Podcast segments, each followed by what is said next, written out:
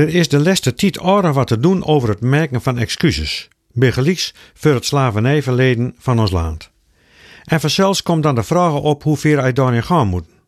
Er was al een columnist van Dagblad Trouw die hem afvreug of ook de Noorden excuses aanbieden moeten voor wat de Vikingen, meer dan duizend jaar geleden, allemaal uitheld hebben.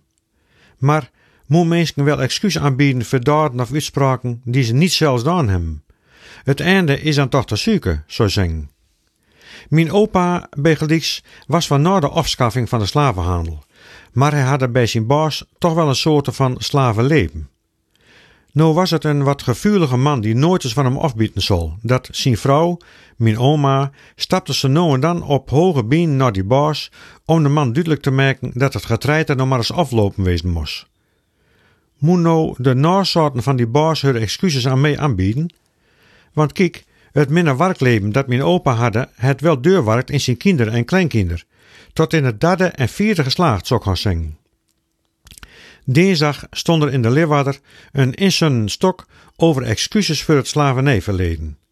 Daarin wordt een Surinaamse vrouw aanhaald die haar afvreug hoe zij nou laas hem zal van de slavernij die al in 1863 afschaft worden.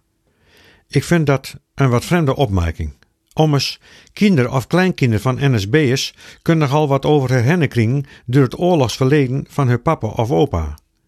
Molukkers van de derde generatie hebben nog heel tijd last van emoties als zij erbij stilstaan wat hun voorouden in de vijftiger jaren beloofd is. Beloften die nooit nakomen binnen. Kinderen van manluden die in Indië vochten hebben, moesten soms naar de psychiater vanwege de oorverdomende stilte in huis en alle vragen die niet beantwoord werden. Maar niet elke ene het dus blijkbaar te lieden van zo'n verleden. Het liet dus vooral ook af te hangen van de vragen hoe gevoelig uit de zelfs verbinden. En het zal ook te maken hebben met het titrek dat verstreken is naar bepaalde voorvallen. Die slavernij is ruim 150 jaar geleden al afschaft. Maar de Tweede Wereldoorlog, Indië en de Molukse kwestie, daar hebben tal van mensen nog eigen herinnerings aan. Die Surinaamse vrouw, die geen laast het van de slavernij die haar voorouden overkomen is, prachtig, heel mooi voor haar dat ze daar niet onder te lieden het. Maar er binnen ook wel die er wel gevurig verbinden en die de slimmer met ompakken. En die mensen zal recht dan worden moeten. Dat hoeft van mij gaat niet door het aanbieden van excuses. Want excuses aanbieden voor wij zelfs niet gedaan hebben, ja, dat lijkt me correct wat te veel vraagt. Maar je inleven, je midleven betuigen, je uteren dat je het verwerpelijk vindt wat er gebeurd is in de slavernij, dat is dan toch wel het minste dat je doen kunnen. Politici zullen al excuses aanbieden moeten voor beleid dat ze wel verantwoordelijk verbinden.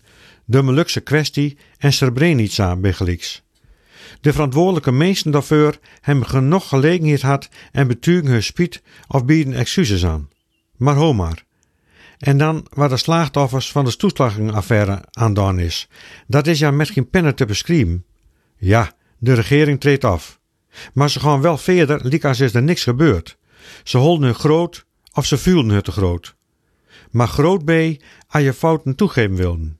Groot B, als zeggen dat het jou spiet dat andere mensen met de jou toedoen knoeit binnen. Groot B, als smatten geld geven zullen aan de Molukkers. Groot B, als besluiten dat het oplossen van de toeslagenaffaire bovenaan staat en eerst oplost worden moet en dat alle andere belastingzaken dan maar even op het bureau liggen blijven moeten. En als ik dan wat langer wachten moet op mijn belastingkladden, nou, dan zal ze dat voor één keer niet kwalijk nemen.